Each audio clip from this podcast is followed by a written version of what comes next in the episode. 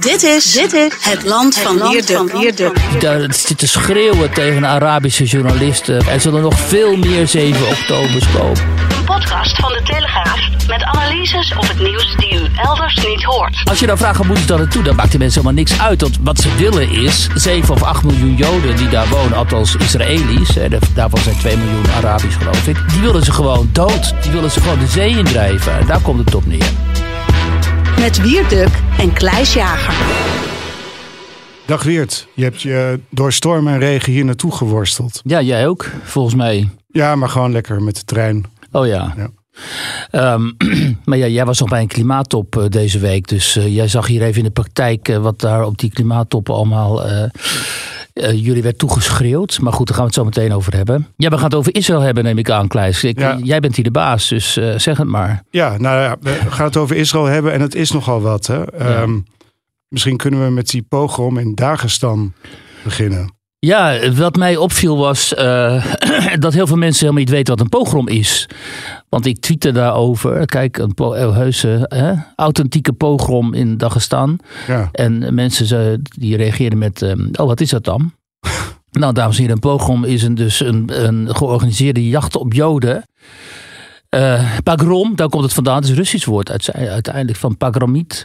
Het is vernietigen, eh, zo, zoiets ergens betekent. Een beetje mee bezig geweest wat het nou precies betekent. Maar goed, ehm, in ieder geval komt uit Russisch. En eh, de pogroms in Rusland, Oekraïne ook vooral, die waren in de tsarentijd ehm berucht natuurlijk, omdat daarin eh, de Joden op basis ook van allerlei complottheorieën eh, werden aangevallen en verjaagd en vermoord. Die complottheorieën werden nog eens een keer versterkt doordat eh, in 1917 de Bolsjewieken ehm, de macht overnamen in Rusland, de communisten. Wat een internationale organisatie was natuurlijk uiteindelijk. Hè, het internationale marxisme, communisme.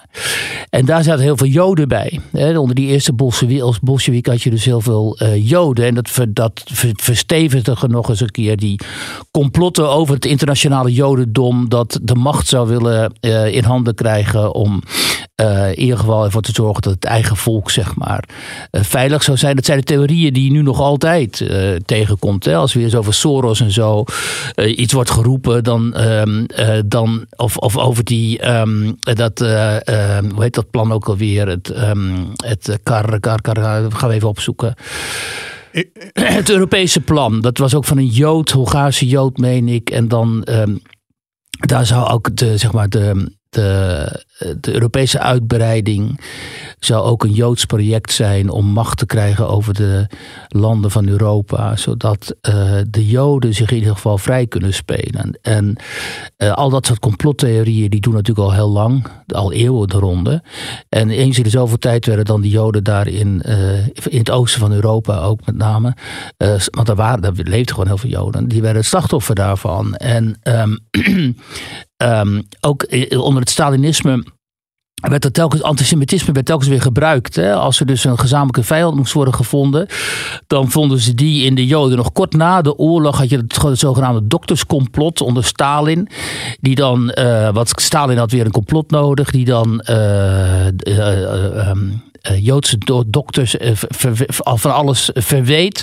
En toen begon er dus weer een antisemitische, rage daardoor die Sovjet-Unie eh, te trekken. En in de oorlog zag je natuurlijk vooral ook aan de kant van bijvoorbeeld ehm, eh Oekraïense vrijheidsstrijders, zeg maar, die wij nu zo bejubelen, hè, de, de- hun afstammelingen, de, onder eh Stepan Bandera en, de, en dergelijke, die grote pogroms tegen eh, Joden en eh, Polen eh, ondernamen.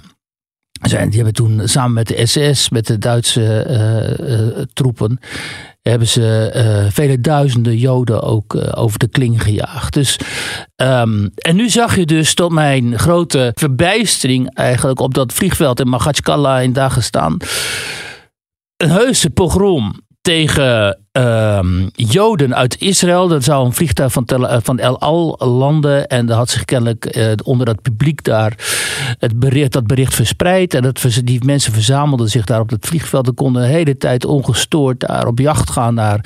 Ze werden, ze werden Joden. betogers genoemd, hè? In Oh ja, bij de NOS Bij of de zo NOS, werden ze betogers ja, genoemd. betogers. Nog net geen, geen protestanten.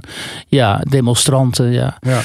Ja, en kijk, ik ken dat gebied daar natuurlijk goed. Ik ben er heel veel geweest. Die Noordelijke Caucasus is echt een broeinest van, van gangsterisme, islamisme, wetteloosheid. Dat is echt, als je daar komt, uh, ja, het is aan de ene kant fascinerend vanwege die geschiedenis. Ze hebben ook een lange geschiedenis daar van opstanden tegen het regime in uh, Moskou. Hè. Imam Shamil bijvoorbeeld is uh, beroemd, de 19e eeuwse aanvoerder van die, um, ja, eigenlijk uh, Tsjetsjeense, Dagestaanse en Ingushi guerrilla tegen de tsaar. ook de Russen hadden heel veel respect voor hem trouwens. Um, eens in de zoveel tijd gaan die bergvolkeren daar, die komen dan in opstand tegen, de, tegen het Kremlin eigenlijk. En dan volgt er weer een verwoestende oorlog. Zoals destijds in de 19e eeuw, maar ook uh, tijdens de oorlog heeft Stalin die hele bevolkingen daar gewoon gedeporteerd. Uit Tsjetsjenen, Ingusje naar Kazachstan en gedeporteerd compleet. Zoals ook en die analogieën moet je zien, hè? Zoals ook een paar weken geleden alle Armeniërs uit Nagorno-Karabakh zijn verdreven door de Azeri. Ja. 120.000 mensen gewoon verdreven zonder enige ophef hier in het Westen. Destijds werden de Ingushi en de Tsjetsjenen die ervan beschuldigd werden te heulen met de Duitsers. Ja, omdat ze onder dat communistische juk weg wilden. zijn toen massaal gedeporteerd en pas in 1956 konden ze terugkeren naar hun, um, naar hun um, gebieden. En vervolgens, wat gebeurt er na de ineenstorting van de Sovjet-Unie daar? Komen de Tsjetsjenen en ook overigens Ingusje en ook een deel van uh, Dagestani, die komen weer in opstand. Wat leidde tot die bloedige Tsjetsjense oorlogen, waar uh, Vladimir Poetin uiteindelijk een einde aan maakt door onder andere door onder andere, dat is weer een analogie met wat er nu in Israël gebeurt, nadat Tsjetsjeense terroristen uh, waren, uh, het Russische hartland waren binnengevallen. Hey, Budjonovsk destijds, het ziekenhuis, ik weet niet, Bestlan en zo. Dat was allemaal verschrikkelijk. Hè. Dat was die, die, op, die, die, die, die terreuractie toen in Bestlan op die school, waar ook kinderen werden doodgeschoten. Vergelijkbaar met wat uh, Hamas uh, daar heeft gedaan in de strook met Gaza. Toen, uh, hoewel ik meen dat Bestlan. Um, um, was weer een wraakactie op wat zich uh, daarvoor had afgespeeld. Ja. Maar uiteindelijk heeft uh, Poetin dit uh, geweld alleen maar kunnen stoppen door Grozny twee keer plat te gooien. Um, Althans, de eerste keer was hij nog geen president, maar de tweede keer wel. En toen heeft hij Grozny opnieuw helemaal naar het stedelijk tijdperk gebombardeerd. Ehm, veel mensen zouden zeggen vergelijkbaar wat nu de Israëli's doen met uh, Gaza. Maar dan toch. maar het is niet zo, omdat, sorry dat ik de hele tijd moet kuchen, maar dat is niet zo omdat uh, de Israëli's houden wel degelijk rekening, proberen rekening te houden met uh, de burgers daar. Die kondigen ook aan, ga weg. Ja, want we gaan daar en daar gaan we aanvallen. En die Russen die gooiden gewoon de hele boel ehm, plat. Maar... Um, in deze context dus van uh, zeg maar 70 jaar communisme, oorlog, verschrikkingen, uh, wahhabisme, dat zich daar vestigde destijds in de jaren 90 uit Saoedi-Arabië. Dus die islam daar, die Soefi-islam, die, die islamiseerde ook en het werd een Arabische, hè, die, zoals overal die zoals Arabische overal. islam het ja. overneemt, werd het daar ook die Arabische islam. En uh, dat eindigt dus, of dat culmineert nu dus in, die, in zo'n pogrom daar in Magachkala. Ja, dat is natuurlijk onvoorstelbaar. In, in onze tijd. Maar ja, waarmee je maar weer ziet wat een achterlijkheid er zo her en der op de wereld uh, bestaat. En een deel van die achterlijkheid, helaas, zien we ook tegenwoordig in onze straten. Waar ja. mensen zonder enige historische kennis, zonder enig historisch besef en ook ja. zonder enige verbinding met onze Joodse gemeenschappen uh, de straat op gaan en eigenlijk uh, Hamas toejuichen. Daar komt het ja. op neer. Hè? Nou, want wat is het verschil? Hè? Je hebt het antisemitisme waar je het net over hebt gehad. Dat heeft oude wortels. Net als het katholieke antisemitisme dat bijna niet meer bestaat. Hè?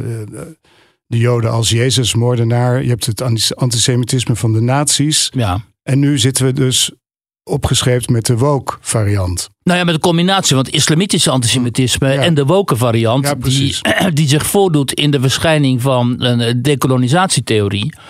En die woke variant die komt erop neer dat de blanken, en de joden zijn dan ook blanken, ja. Die hebben zich over de wereld verspreid en daar gebieden gekoloniseerd. Zoals wij, Indonesië en Suriname, noem maar op.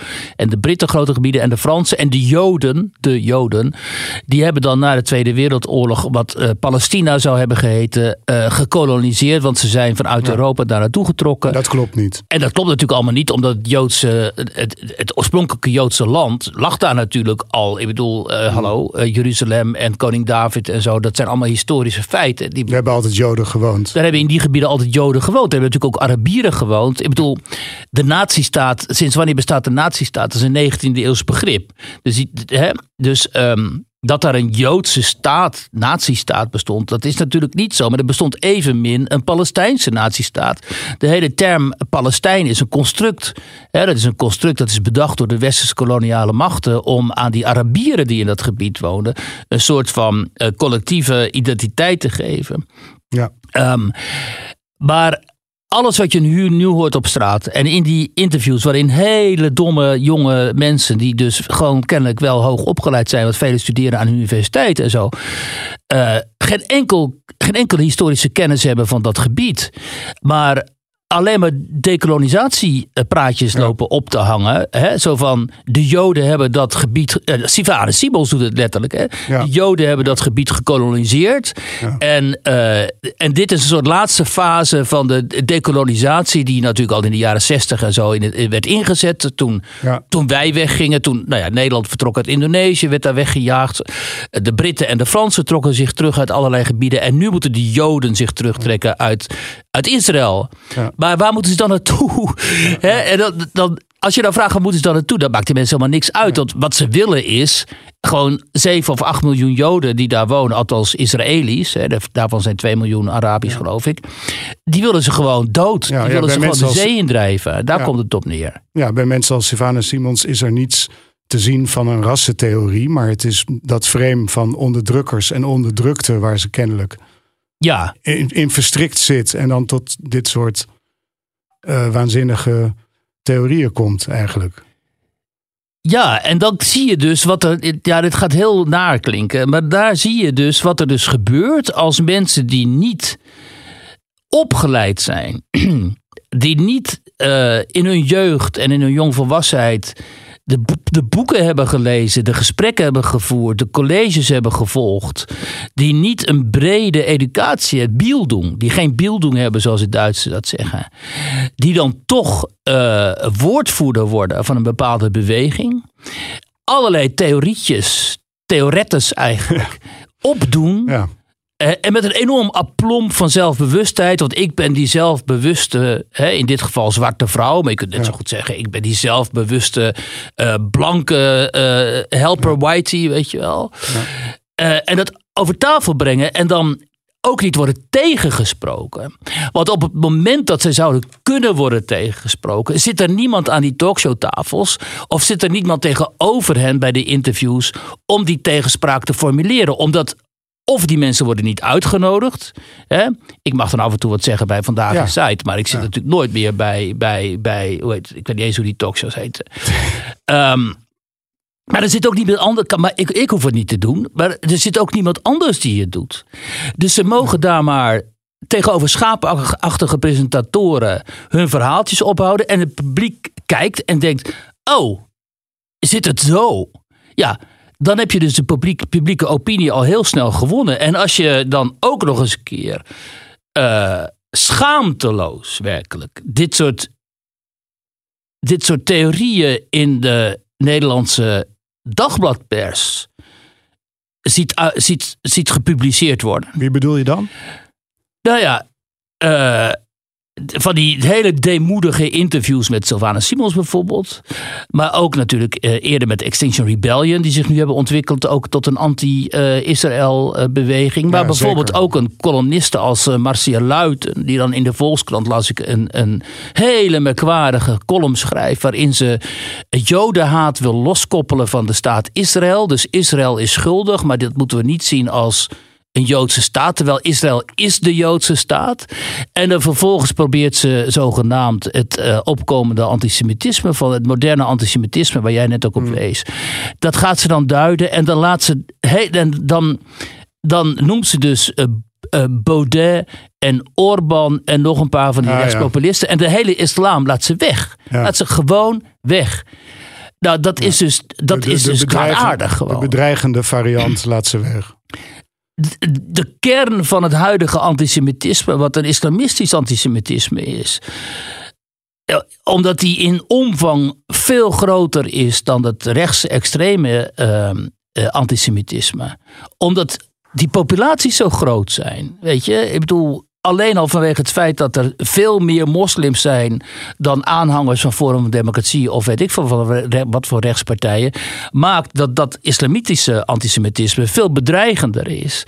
Ja. En als je dat niet noemt, dan, dan ben je zo vreselijk te kwade trouw. En als je dan Orbán notabene, is van alles aan te merken op, die, op Orbán, de rechtsstaat enzovoort. Maar je kunt niet zeggen dat Joden daar niet vrij over straat kunnen. Ik was deze zomer nog in Boedapest. Je ziet daar allemaal orthodoxe Joden ook gewoon vrijelijk over straat lopen. Als je die, uh, de Israëlische pers uh, volgt, dan zie je hoe lovend ze zijn over um, Hongarije als een soort nieuwe vrijhaven voor de Europese Joden.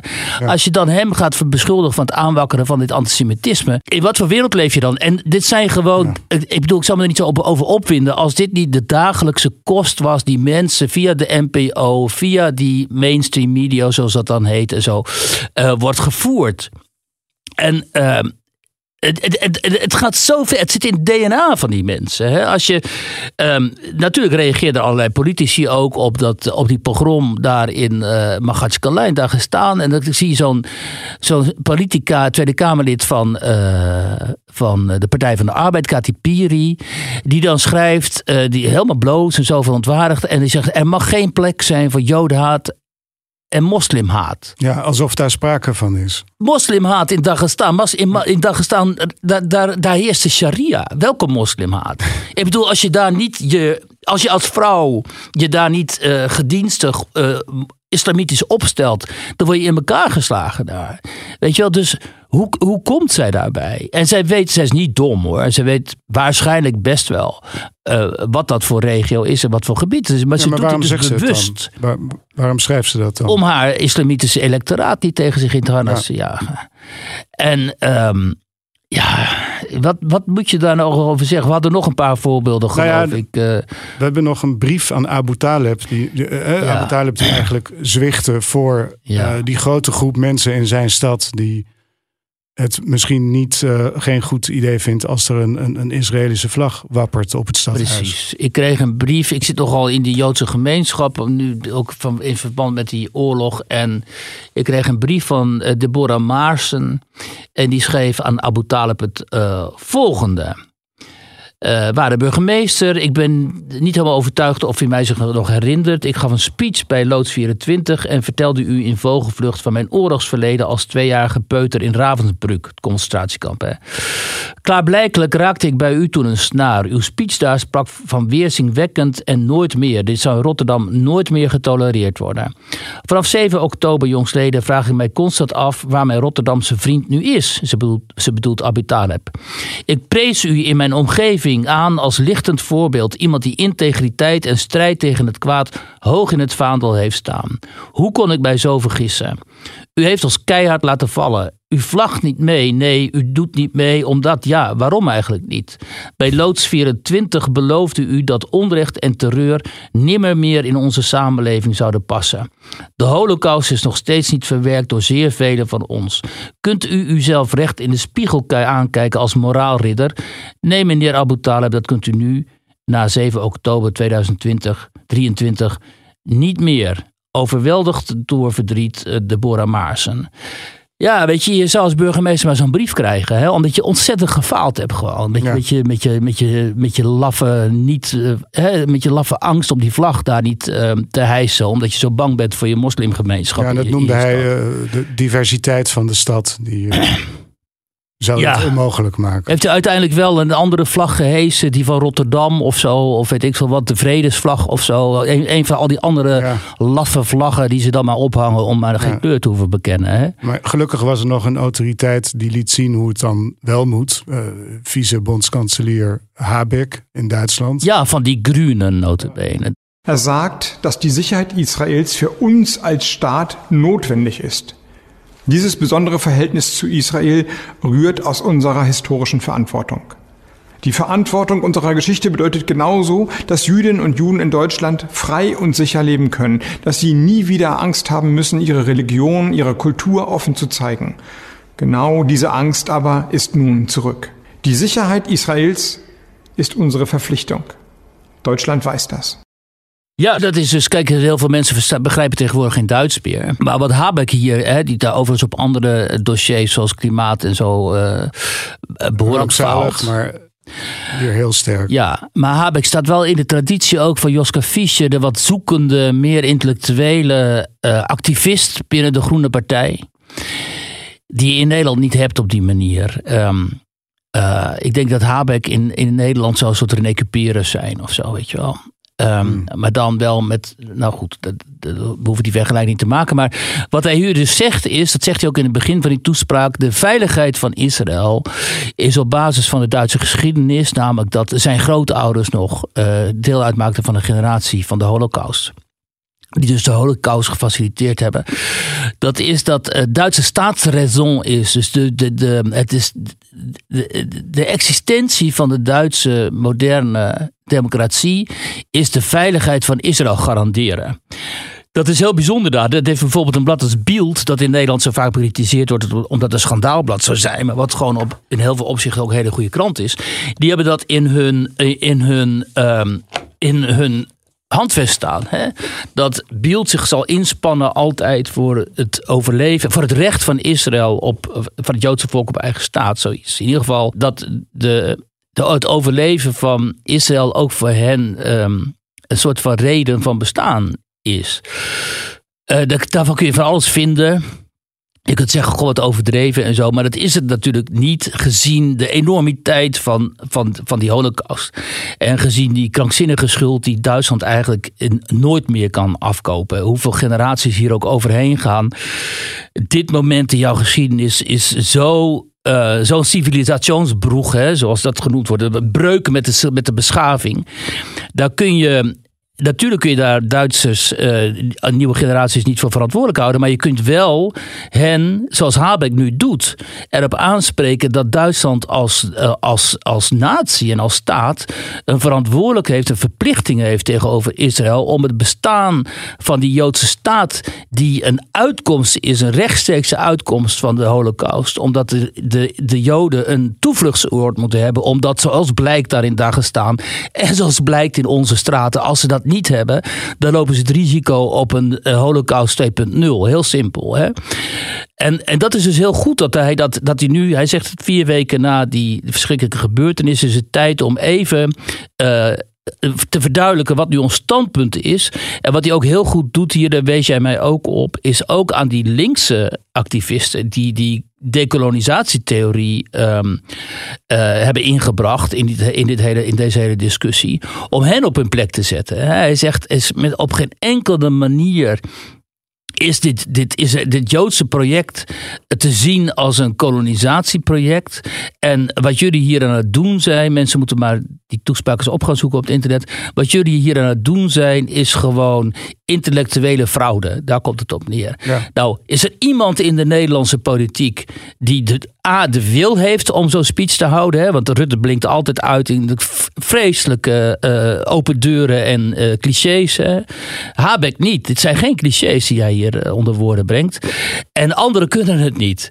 Dus, eh, dus in de Nederlandse politiek heb je of Mark Rutte, die totaal empathieloos, je voelt er niks bij als hij dat doet. Of je hebt Frans Timmermans, die als hij zoiets probeert, dan gaat hij huilen over zichzelf. En dan haalt hij zijn opa er weer bij, die in de mijnen werkte. En verder heb je niks. Hè?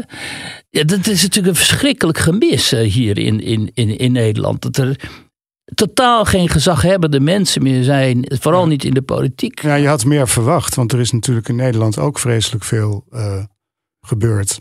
Ja, nou daar gaat vanavond vandaag mijn eh, rubriek in de, telegra- in de krant over. Die, de- daar spreken onder andere met Andries Knevel en Fons de Poel. Oud-journalisten, oud-collega's natuurlijk. En Freek van Beets, die ook eh, publiceert, maar die oud topambtenaar is. Over het, het grote verschil in reacties op de grote oorlogen die Israël destijds gevoerd heeft. In de, de, de Zesdaagse Oorlog in 67 en de Yom Kippur-oorlog in 73. Ja. En de, en de reactie is nu. Juichen in het klaslokaal. Andries Eh, Knevel. Andries Knevel vertelde, ze zaten dus, eh Andries Knevel is nu 71, dus ze zaten in de middelbare school gekluisterd aan transistorradio's, vertelde die.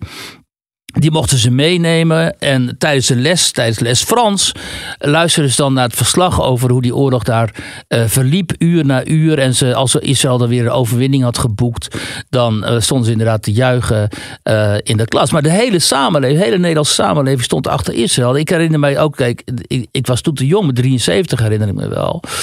Um, Mensen reden met stickers op hun auto's. Ik sta achter Israël. Er waren inzamelingsacties. Vrijwilligers gingen naar Israël om te helpen.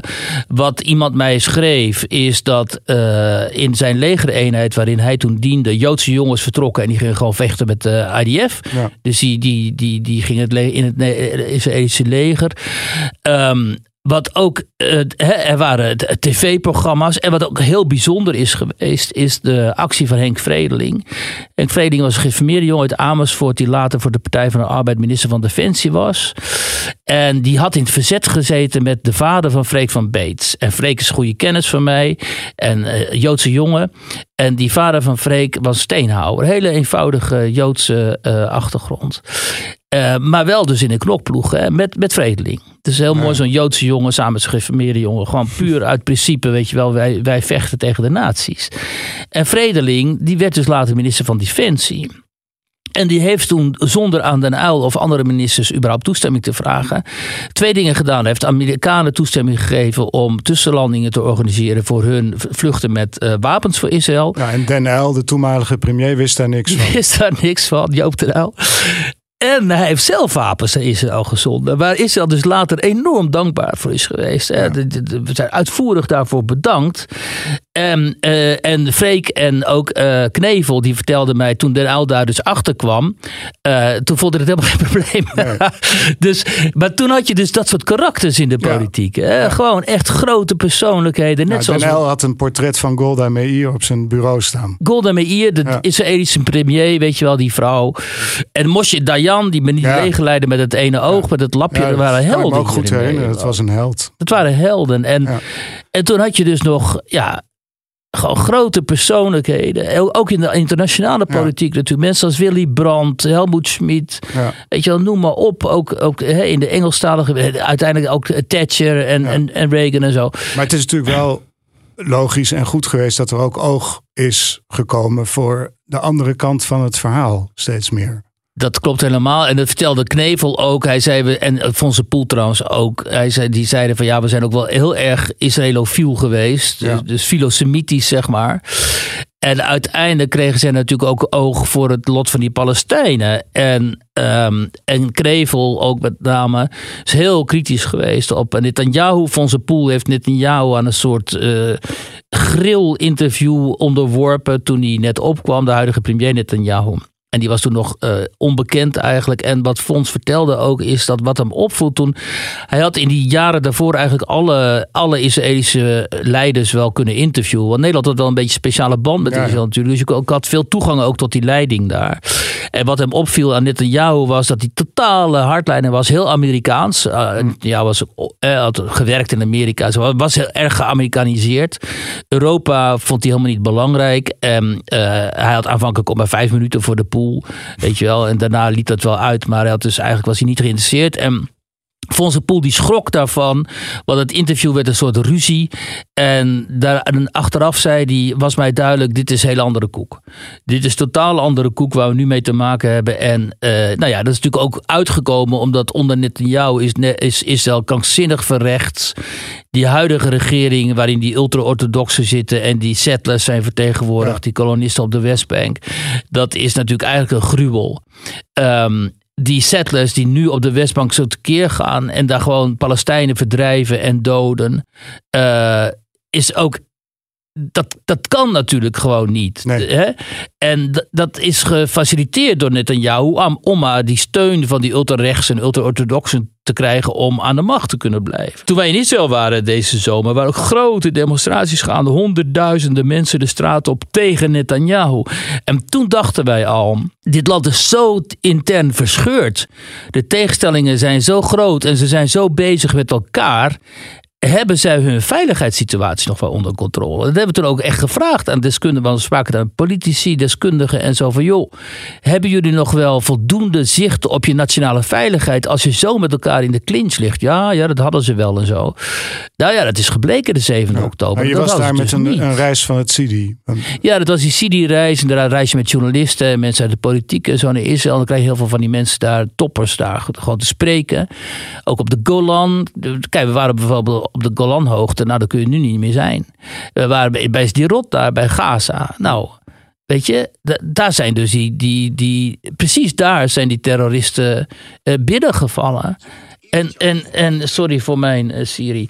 En eh, precies daar ook heb, zijn die beelden gemaakt. Ik weet niet of je die kent. Bijvoorbeeld, dan zie je dus die, die, die, die beelden van straatcamera's. Dan zie je die terroristen daar rondlopen, onder andere met een, eh, granaatwerper. En een van die gasten die gaat gewoon geknield op straat zitten. En dan komt er een burgerauto aan en boem. Ja. Dan schiet hij zo die auto aan flarden, weet je wel. Met, Ja. met burgermensen daarin. Hè? Ja. Ja, dat speelde zich daar af. En het is onvoorstelbaar, omdat ehm, als je daar net geweest bent. Om dan je te realiseren dat kort daarna daar eh, vrouwen, kinderen, baby's eh, worden urenlang gemarteld. eh, op de meest afschuwelijke wijze daar worden omgebracht en verminkt. En ja, dan kun je natuurlijk heel goed voorstellen dat de Israëli's zeggen: nu gaan we voor eens en altijd een einde maken aan Hamas. Ja. Ehm, en dat is natuurlijk een volgende verhaal. Ik sprak gisteravond een Israëlische eh, hoogleraar... die hier notabene in Noordwijk bij het European Space Agency... iets heel interessants doet. Hij is geoloog. Maar, ehm, dus hij wilde eigenlijk liever daarover praten... want dat is positief en eh, iets over duinen op Jupiter of zo. Echt krankzinnig interessant allemaal. Maar ons gesprek ging over dat hij het hele tunnelsysteem van Gaza in kaart heeft gebracht. Omdat, en hij is expert dus in ja, wat, wat, wat geologisch mogelijk is, zeg maar. Hij vertelt dan, ja, juist die Gazastrook. Daar heb je een hele specifieke eh, eh, type samengestelde aarde, waardoor je daaronder in de zachte gebieden heel makkelijk kunt boren en graven. Terwijl daarboven zitten dan hardere stukken, die je dus heel makkelijk kunt verharden, waardoor je die tunnels heel goed kunt verstevigen. En hij zegt, ja, dat, die tunnel, dat hele tunnelsysteem is ooit begonnen natuurlijk met die tunnels richting Egypte, hè, de smokkeltunnels, waardoor je eh, familie kon, families die door elkaar, van elkaar gescheiden waren, die konden elkaar dan opzoeken, maar er werden ook heel veel eh, voedsel en andere dingen en uiteindelijk natuurlijk wapens gesmokkeld. En toen begreep Hamas van, we gaan dit, ehm, we gaan dit eh, eh, ver- ver- verfijnen allemaal en eh, vergroten. En nu hebben ze daar honderden kilometers lange tunnelsysteem kunnen bouwen. Waar dus ook heel veel, zeg maar, bouwkundige denkkracht achter zit. Hè? Dus ik vroeg hem op een gegeven moment ook van, weet je, heb je ook respect eigenlijk voor die ingenieurs daar van Hamas die zich helemaal hebben gespecialiseerd. Net zoals soort de Viet- Vietcong, weet je nog wel, in, in Vietnam. Die had ook zo'n heel tunnelsysteem waar ze Ja. dan s'nachts doorheen liepen en eh, aanvallen uitvoerden op de Amerikanen. Precies. Ja. Ja, Vietcong dacht misschien alleen wel aan de eigen mensen. Aan het Nou, dat wil ik zeggen. Hij bevolking. vertelde, wat hij zei, hij ziet ook wel die analogie met die Vietcong. Maar hij zei, weet je wat, de Vietcong, die had als eh, bij de ingang en de uitgangen van die tunnels, hadden zij de specifieke, hadden zij de jungle als, eh, als schutsmiddel. Dus de, de jungle verborgen ingangen en uitgangen.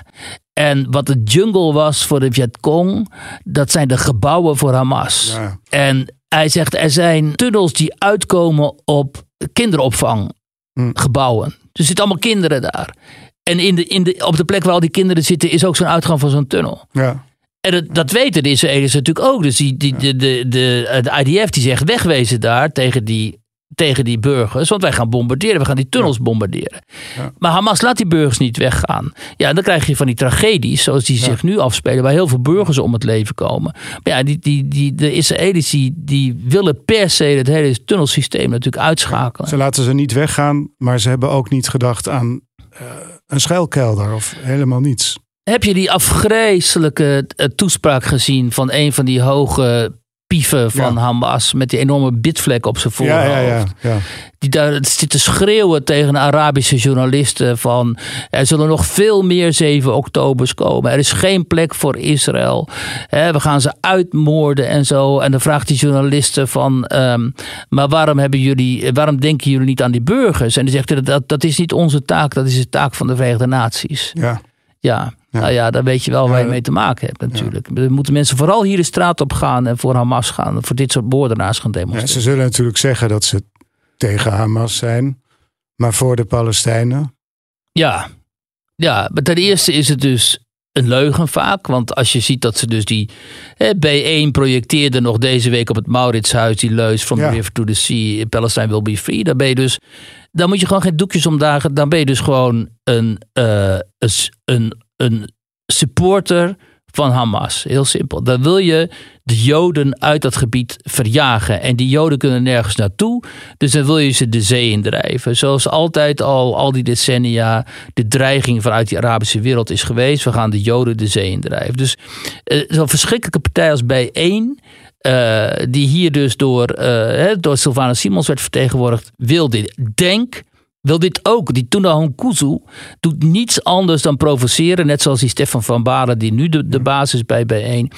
Niets anders dan provoceren dan eh, door met deze spreuk telkens. Ofwel op Twitter of elders eh, eh, de provocatie te zoeken. En dan kan je natuurlijk zeggen, het is marginaal, het gaat om een paar zetels. Maar de invloed hiervan is natuurlijk veel groter. Hè? De invloed hiervan is immens, omdat, dat merk ik ook, in hele normale studentenkringen. Ja, Waar normaal gesproken mensen bezig zijn met eh, Expeditie Robinson of zo. En, hè, en die halen hun, hun, hun, hun informatie van. Ja, dat is tegenwoordig zo'n verschrikking natuurlijk. Dat, eh, kijk, wij hadden vroeger, ehm, waren we student, maar we lazen ook nog wel eens een boek. ja. Hè? En we, en we, en we, we- ja, en er was ook geen TikTok of iets. Nee, er was geen TikTok en al die shit. En we, en we lazen de krant natuurlijk. We keken uit naar Er de weekendbijlages van NSC en Volkskrant en zo. Daar keken we naar uit. En er waren dan intelligente mensen die schreven daar in onze ogen intelligente stukken. We lazen internationale kranten en zo. Nu krijgen studenten, universitaire studenten, voor een deel ook hun informatie via Facebook, via TikTok, via Sam Mokro, dat, dat, dat, die, die, die website waar een, met een miljoen volgers, waar antisemitische eh, propaganda wordt bedreven gewoon. En als je dan, hè, dan gaat onze collega hier van de video, die gaat de straat op en die vraagt aan jongeren, ja, waar krijgen jullie je informatie over Israël vandaan? Ja. Zegt ze allemaal Sam Mokro. Weet je, en, en onze stagiair hier van de school van journalistiek, die, die vragen we hem, waar krijgen jouw vrienden informatie vandaan? Ja, die zitten allemaal op Semokro. Ja. Ik bedoel, dat is toch. En, en wat wordt daar gedumpt? Ja, allemaal dit soort eh, antisemitische propaganda, zoals van Denk en van Bijeen en zo. En eh, ja, dat is natuurlijk heel, niet alleen heel zorgelijk, maar ook heel, heel verdrietig. En ook, wat, mij, wat ik ook niet begrijp, is de, de onwil bij deze jongeren. Althans, bij kennelijk een groot deel van deze jongeren. Om niet verder te zoeken. Om, eh, om, om onderscheid te maken, kunnen maken tussen propaganda. En, en gewoon gedegen kwaliteitsjournalistiek. En, maar als dan ook nog eens een keer wat vroeger de kwaliteitsmedia heette. Zoals de Volkskrant en de NSC daaraan meedoen voor een Ja. groot deel. Hè? En, en de NOS natuurlijk sowieso. Hè? Die dan dit soort mensen zo. Die, die, die moordenaars daarin. Potentiële moordenaars zoals in Dagestan. Dat ze die gewoon. Hoe heet ze? Hoe noemden ze die? Betogers gaan noemen en zo. Weet je, ja, precies. dan dooft toch het licht, weet je wel. Dat, dat, dat is, het is ook zo'n enorme faal van de journalistiek, man. En Ja, we hebben nog het voorbeeld van Jan Volhard hè, van de NRC. Die, ja, Jan Vollard, die ken ik nog wel. Zijn oud collega van, eh, die was dan ook... Ik, ik ben ooit begonnen als, eh, laten we zeggen, poprecensent en medewerker bij de cultuurredactie van het Nieuws van het Noorden. Toen Sibwinia daar onder nog leiding van. Onder leiding van Sipwinia. Ja. En eh, dus Vollaert was gewoon in die. Die was ook toen al pop, popjournalist. Voor allerlei media, onder andere NRC Handelsblad. En dat is hij dus gebleven. Dat is hij nu nog. Eh, waar niks mis mee is. Ehm, maar die schreef dus aan een collega van hem. Een hele intimiderende bericht. Eh, waarom? Want die collega die heeft dus kookboeken met recepten uit Tel Aviv. Hè? Ja. Daar komt het op neer. Hè? Ja. En hij schreef hele intimiderende eh, berichten van ik ga, die recepten van jou die in de prullenbak gooien. Of, of in brand steken. Of, In brand steken Ja. en verdoemd allemaal en weet ik Ja. veel wat. Het is hoogst zo intimiderend dat die, die collega dat op Twitter gooide. ja. En zei van, moet je nou toch eens kijken wat ik notabene van een collega krijg. Ja, weet je, dat is nou- goed. Nou is wel berispt geloof ik door de hoofdredactie daar. Maar, en misschien had hij wat gedronken en zo, dat weet ik niet. Maar dan nog, dat tekent natuurlijk de sfeer waarin die mensen opereren op dit moment. En ja, Ja. ik zie het ook gewoon. Op de, Ja, dan weet je ook wat er aan de koffieautomaat wordt gezegd. dan weet je dus precies wat er aan de koffieautomaat over die afgrijzelijke eh rechtse Israëliërs eh, wordt gezegd. Die nu genocide plegen. Nou ja, iemand als Marieke de Hoon. eh, expert internationale, eh, internationaal recht wordt heel vaak opgevoerd bij Nieuwsuur en zo. Dus eh, prima academica, zitten allerlei eh, internationale fora, geloof ik en zo.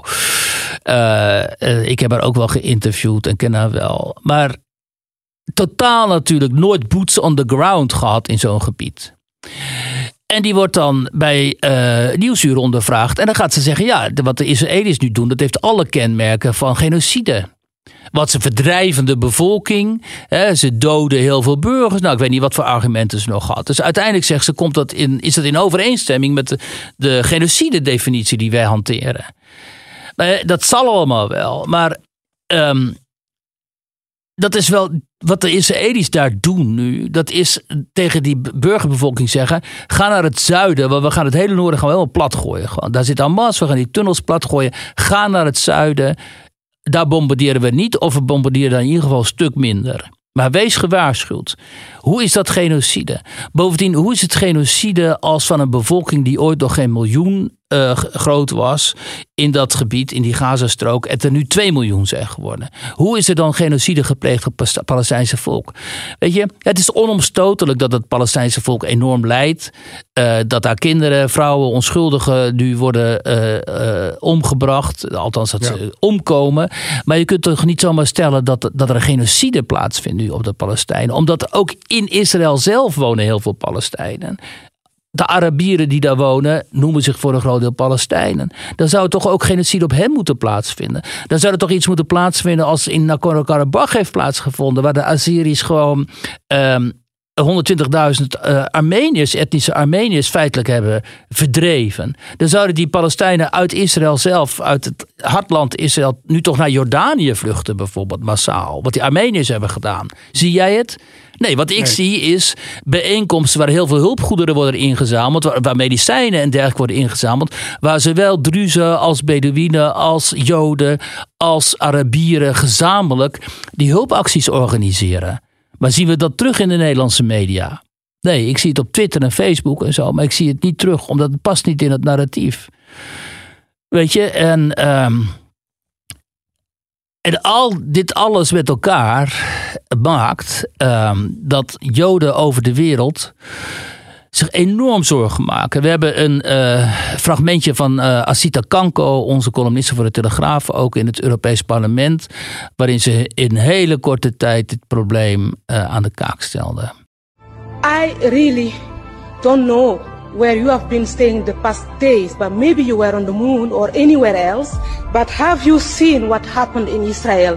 Have you seen that people went into houses to find human beings, to bring them outside, to kill, kidnap, or kill the babies just because they are Jews? Do you remember history? Do you remember what happened on European soil? Do you want anything like that to happen again? Have you seen the people also chanting in Rome, in London, in Paris, in Amsterdam, in Rotterdam, saying that we are the bad ones, saying that they are defending Palestinians, but in fact they are supporting the Islamic terror group Hamas? Did you see that? Why don't you speak against that? You know, the, the Palestinians are the Thank you. victims of the Hamas. Shame on you Thank you, Ms. Kanko. Thank you very much. Very much. of the Hamas.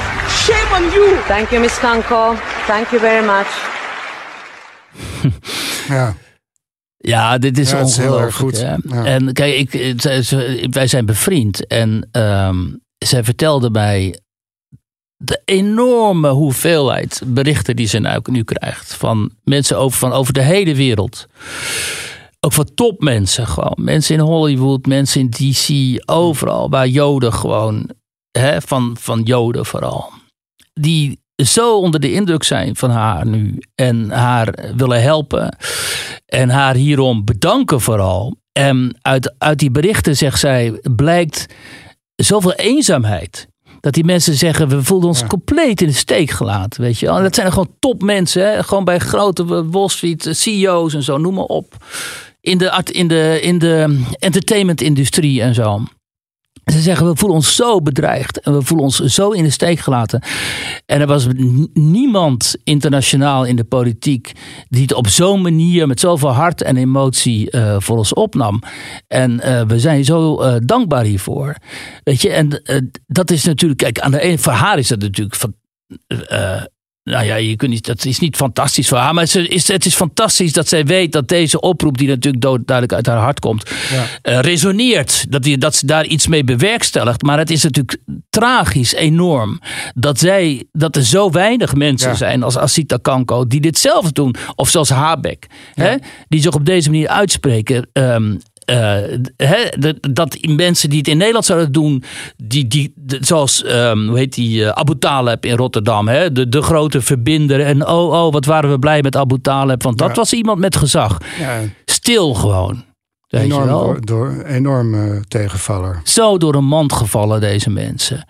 En, um, en wat ik, waarom ik dit wilde laten horen is: het is de vraag het is de vraag of uh, dit niet de laatste oproepen zijn, de laatste zeg maar stuiptrekkingen van degene die begrijpen wat zich daar, uh, wat zich ooit met het Joodse volk heeft afgespeeld. En uh, wat de band is met Israël nu. Ja, want in, in, in, in, in, in het perspectief van in, in de wereld is dit een minderheidsstandpunt geworden. Dat is inmiddels dus een. We hebben het over die Global South, weet je wel. Ja. Eh, daar is dat, uh, laten we zeggen, de, de, de wokistische variant van het antisemitisme uh, dominant. Het hele verhaal over de, de, de, de, Jood, de, de Joodse blanke onderdrukkers. Kijk, dat is het hem. Hè? In de wereld was het Westen natuurlijk altijd uh, het verlichte, zeg maar, intellectuele uh, plek. Waar in ieder geval, ondanks alle uh, kritiek die je kunt hebben op Israël, werd begrepen wat de historische betekenis is van de Holocaust.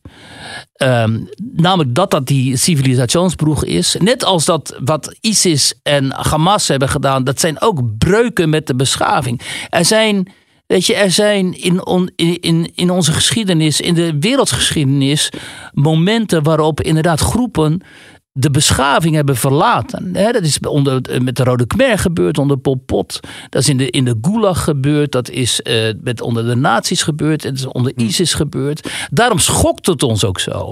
Omdat het gaat voorbij aan alles waarvan wij vinden dat dat nog behoort tot het apparaat van menselijkheid. Weet je De, de context waarin je mens bent. En ze treden daar volledig buiten. Trouwens, Hamas ook onder invloed van al die drugs en zo. Um, en daarom is het zo onbegrijpelijk en zo, zo, zo schokkend. En dit wisten wij altijd in het Westen. Hè? En, maar ook het Westen verlaat nu dat standpunt. Ook hier in, het Westen zijn er zoveel mensen die dan die, die totale barbarij van Hamas uh, op een equal footing stellen met wat de, wat de Israëli's doen in, in Gaza nu. Wat, wat niet kan. Dat, dat is niet hetzelfde. En het, het gaat wel degelijk hier om een strijd tussen de, de barbarij en, en, en de verlichting, laten we het zo zeggen. In ieder geval de beschaving. En, en als je dat niet ziet, Daarom zijn de Joden ook zo wanhopig. Want al die Joodse Israëlische woordvoerders proberen het ook steeds duidelijk te maken. Jongens, wij strijden nu van jullie ook tegen de barbarij. En kijk eens goed naar wat zich afspeelt op jullie straten. De, de potentie van die ditzelfde type geweld, de potentie van diezelfde barbarij, die, die zie je bij jullie op straat. Ja, het, het, is een, het is een strijd tussen beschavingen. Dus precies, dit is die clash of civilizations. En, en die, en die zeggen ook van, doe er iets aan. Wij, wij onze zaak, weet je wel, wij ruimen onze zaak hier wel op. Hè? En we zullen het heus wel winnen. En anders gaan we met z'n allen ten onder. Maar jullie moeten ook iets doen. En je doet niks. En dan kijk ik naar die tv-debatten. En zie ik Pieter Omtzigt en Caroline en weet ik veel wie allemaal. en dan denk ik, wat de fuck is de urgentie dan? Weet je, waar heb je het over? Weet, zie je wel wat er zich afspeelt eigenlijk? Weet je? En ja, kennelijk niet. En dan, dat is dan. En het allerbelachelijkste was natuurlijk een debatje gisteren tussen. ehm, eh, op NOS op 3 geloof ik. Tussen eh Rob Jetten en eh, Thierry Baudet. Waar, Ja. Baudet. waar men probeerde om Baudet in de val te lokken. Glitters op je hoofd. Ja, ik heb hier oogschaduw met glitters. Ik weet niet of dat te zien is, maar... Nou ja, ik geloof niet dat er meer dan twee geslachten zijn. Dus eh, jij bent iets wat volgens mij niet bestaat. Hij zit hier, hè? Maar eh, je zegt dat je iets En- bent wat volgens mij niet bestaat.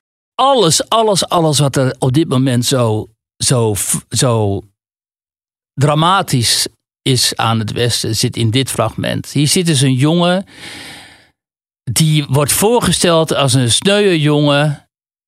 Niet eens een jongen, een binair persoon, non-binair persoon. Zo wordt hij geïntroduceerd door een presentatrice die, terwijl hoewel deze non-binaire persoon volwassen is, eh, een presentatrice die hem eh, de hand op de schouder legt en zo, omdat hij zogenaamd het zo afgrijzelijk moeilijk zou hebben om een vraag te stellen aan Job, Job, Rob Jetten en Thierry Baudet. En deze jongen, ik noem hem gewoon een jongen, want het is gewoon een jongen met een snor, die eh, vraagt dan aan eh, Baudet of hij zich niet enorm schuldig voelt, omdat Forum dus een, gewoon een, een, een principieel standpunt heeft nam over eh, dat er maar twee geslachten zijn, nou mannelijk en vrouwelijk. En alles daartussenin, ofwel bestaat niet, of het is een afwijking. En nou ja. Wat ik dus ook vind, de, Ja. de wetenschap, de biologie vertelt ons er zijn twee geslachten. Je mag jezelf, eh, als je man bent, een vrouw voelen. Of je mag je een boekenkast voelen of een auto of zo wat mij betreft. Maar er zijn in de biologie twee geslachten. Dat is ook wat Baudet hier zegt. Ja. Luister eens. Je hoezo was dit een val voor hem? Nou ja, dit was natuurlijk een val voor hem, omdat Robjetti hier even kon laten zien dat hij wel deugt en, Ja. en dat hij kan shinen. Alleen wat Robjetti hier dus grandioos fout doet. En dat is zo leuk. En daar zie je ook dus hoe waanzinnig dit is. Ehm Baudet zegt op een gegeven moment van... jij zegt dat je iets bent wat niet bestaat. En dan zegt Rob Jetten, zegt van... maar hij zit hier toch? En dan hoor je die jongen zeggen, hen. en dan zie je Rob Jetten klikken... oh ja, het is niet hij, maar hen. Maar, maar reflexmatig ziet Jetten daar natuurlijk gewoon een man. Ja, natuurlijk. Iedereen ziet daar een man. Ja. En het is absurd om te zeggen: ik ben geen man, je moet mij hen noemen. En Red, Jette gaat vervolgens Ja. in de loop van het gesprek, wat we niet verder eh, uitzenden, gaat hij hem ook hen noemen. Ja. Ja, en, en dan denk ik. ja, dus eigenlijk staat Jette hier voor, voor gek. Jette staat hier natuurlijk vooral voor paal gewoon. En die hele, die hele groep mensen die, dit propageren, die dit anti-wetenschappelijke narratief hebben overgenomen, die jonge kinderen hebben laten verminken, omdat die op hun 12e, 13e, 14e denken: ik ben geen jongetje, ik ben geen meisje, ik wil jongen zijn. En dan die, jonge meisjes hun borsten laten afsnijden en zo. Wat dus ook in het Dutch Protocol, heet dat, hè, wat inmiddels ook eh, totaal onderuit is gehaald, waarover internationaal van alles te doen is. Ja. Het is, het is verschrikkelijk. Het is echt. En eh, in een tijd waarin de wereld in brand staat. en wij te maken hebben met een enorme interne, interne crisis ook. omdat de integratie zo totaal mislukt is. en zoveel moslims de kant kiezen van eh, Hamas, daar komt het op neer. gaan zij op tv bij de NOS dit soort geintjes. ehm, uithalen. En, en ook al heel snel was de, de ware identiteit van deze jongen natuurlijk achterhaald. En bleek dat die jongen gewoon helemaal niet een zielige, zielige student is. Maar gewoon een baan heeft en een podcast heeft. En eh, vriendjes is met eh, mensen die betrokken zijn van, bij de productie van dit programma. Ja. Dus die is gewoon uit de Rolodex van de vrienden gehaald. Ga, ga jij daar maar zitten, ga even zielig doen tegenover Baudet. Ja. Eh, het is allemaal van een, van een middelmaat en een slechte journalistiek, weet je. Het is, ehm, en, maar ja, goed, daar hebben we mee te maken. En daarom zei ik, misschien is zo'n zo'n zo'n bijna wanhopige eh, analyse van uh, Asita Kanko in het Europese parlement. Misschien is dat wel een, een, een nachtroef, zoals de Duitsers zeggen, een laatste stuiptrekking van uit die beschaving die wij ooit waren. En die wij misschien wel nu voor onze ogen ten onder zien gaan. Terwijl wij ook zien dat onze politicus, ook al zijn ze zo slim en intelligent als Pieter Omtzigt en zo. dat wij zien dat die politici dat helemaal niet, niet, niet in de gaten hebben. Het, Ja, die politici zijn in mijn ogen zoals die woordvoerder van Saddam Hussein destijds, weet je wel. Die terwijl de, Rus, de, de, de Amerikaanse tanks, geloof ik, door de straten trokken, nog beweerde er is hier helemaal niks aan de hand.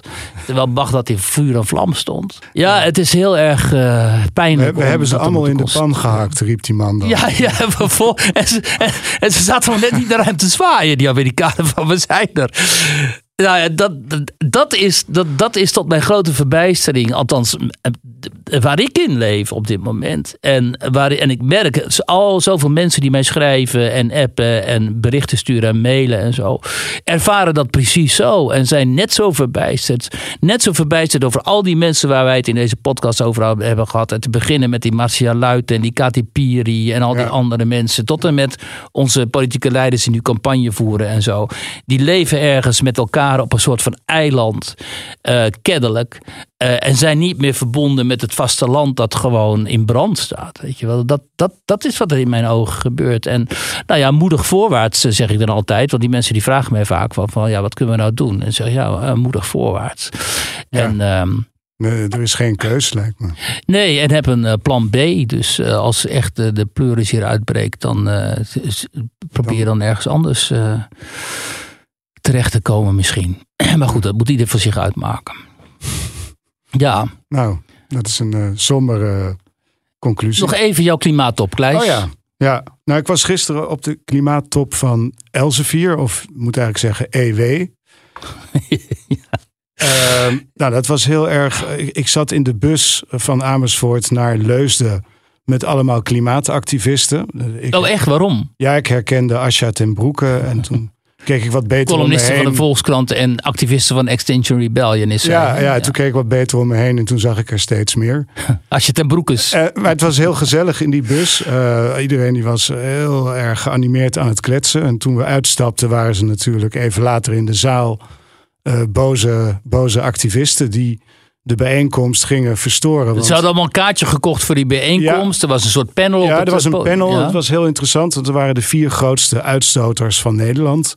Zoals eh, Tata Steel, Shell en eh, RWE, een groot Duits eh, Energiebedrijf. stroomproducent. En, ehm, en die vertelde, hè, de, het thema was klimaatoptimisme. En die vertelde wat ze allemaal wel niet deden om straks in 2050 eh, klimaatneutraal te zijn. En het, terwijl ze eh, hun verhaal afstaken, stond er steeds iemand op van Extinction Rebellion. eh, die eh, begon te schreeuwen of een spandoek uitrolde. Oh, ze wilden niet echt in gesprek. Nou, jawel, jawel, jawel. Nee, dat was een erg goede ehm, gespreksleider. Rens de Jong heet hij geloof ik. Ja. Die, Maar ik bedoel, die activisten wilden niet in gesprek. Die wilden alleen nou, maar jawel. Oh. jawel, ze wilden, ze, eh, maar ze kregen de kans om hun punt te maken. Ja. En daarna werden ze uit de zaal gezet. Oh, ja. Dat was de afspraak eigenlijk. Maar wat was dan die ophef die we hoorden? Want we hebben een fragmentje namelijk... waarin je heel veel geschreeuw hoort in de zaal. Zullen we even naar luisteren? Er zitten hier mensen in de zaal die miljoenen investeren om oplossingen te bedenken. En ondertussen staan al die nietsnutten gewoon geen zak te doen. Ik ben hoogleraar en ik ben geen nietsnut. Nee, maar er zijn duizenden hoogleraren en die hebben allemaal een eigen mening en dat vind ik prima. Maar u moet het juiste podium kiezen. U zit te luisteren naar U moet het juiste podium kiezen. onzin. Nee meneer, u moet het juiste podium. KLM gaat meer uitstoten, niet minder. Ah, fantastisch. En nu op. Dit is gewoon Cote Bie, hè? Die Ja, meneer die schreeuwt, ik ben hoogleraar. Dat is Ja. gewoon Wim de Bie. Ja, uiteindelijk riep hij ook ehm eh, rot op, eh, hoogleraar.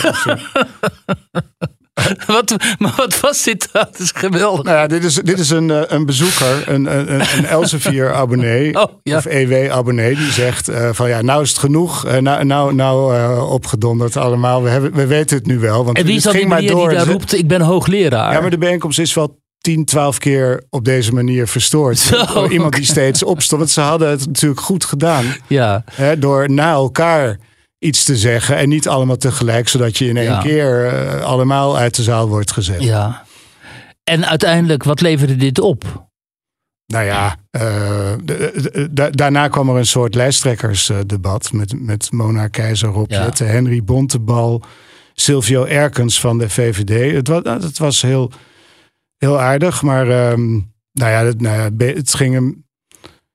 Het is op een normale manier afgelopen. Ja. Maar, maar, maar de, misschien hadden ze elkaar ook een beetje nodig. Want Extinction Rebellion wil natuurlijk een, is op zoek naar een podium. En EW wilde natuurlijk best wat rugbaarheid geven aan het evenement. Ja, Dus in die zin eh, kwam het ook heel eigen tijds een beetje bij elkaar zo. Ja, maar ik zou eerder denken van het is toch merkwaardig dat dit debat over ehm, klimaat op zo'n ruwe manier eh, dan kennelijk eh, verstoord kan worden en eh, gevoerd wordt. Ja, door het geeft mensen natuurlijk vanuit de wel de- de- activistische hoek. Ja, het geeft de, polarisatie van het thema aan. Ja. Maar het duurde natuurlijk best lang en het, het, was niet, het, het, ging ook een hele tijd lang goed. En dan Ja, was er ja. weer iemand die begon iets te roepen. Maar goed, het beeld van Asje ten Broeke die de zaal wordt uitgedragen, dat eh, staat sindsdien op ons netvlies eh, natuurlijk eh, vast op ons netvlies. Dus Ja. daar willen we onze luisteraars dan maar mee, ehm, mee achterlaten. Ja. Nou, dank voor je verslag, Kleis. Ja, dankjewel Wiert voor je eigen podcast. Tot volgende week dan.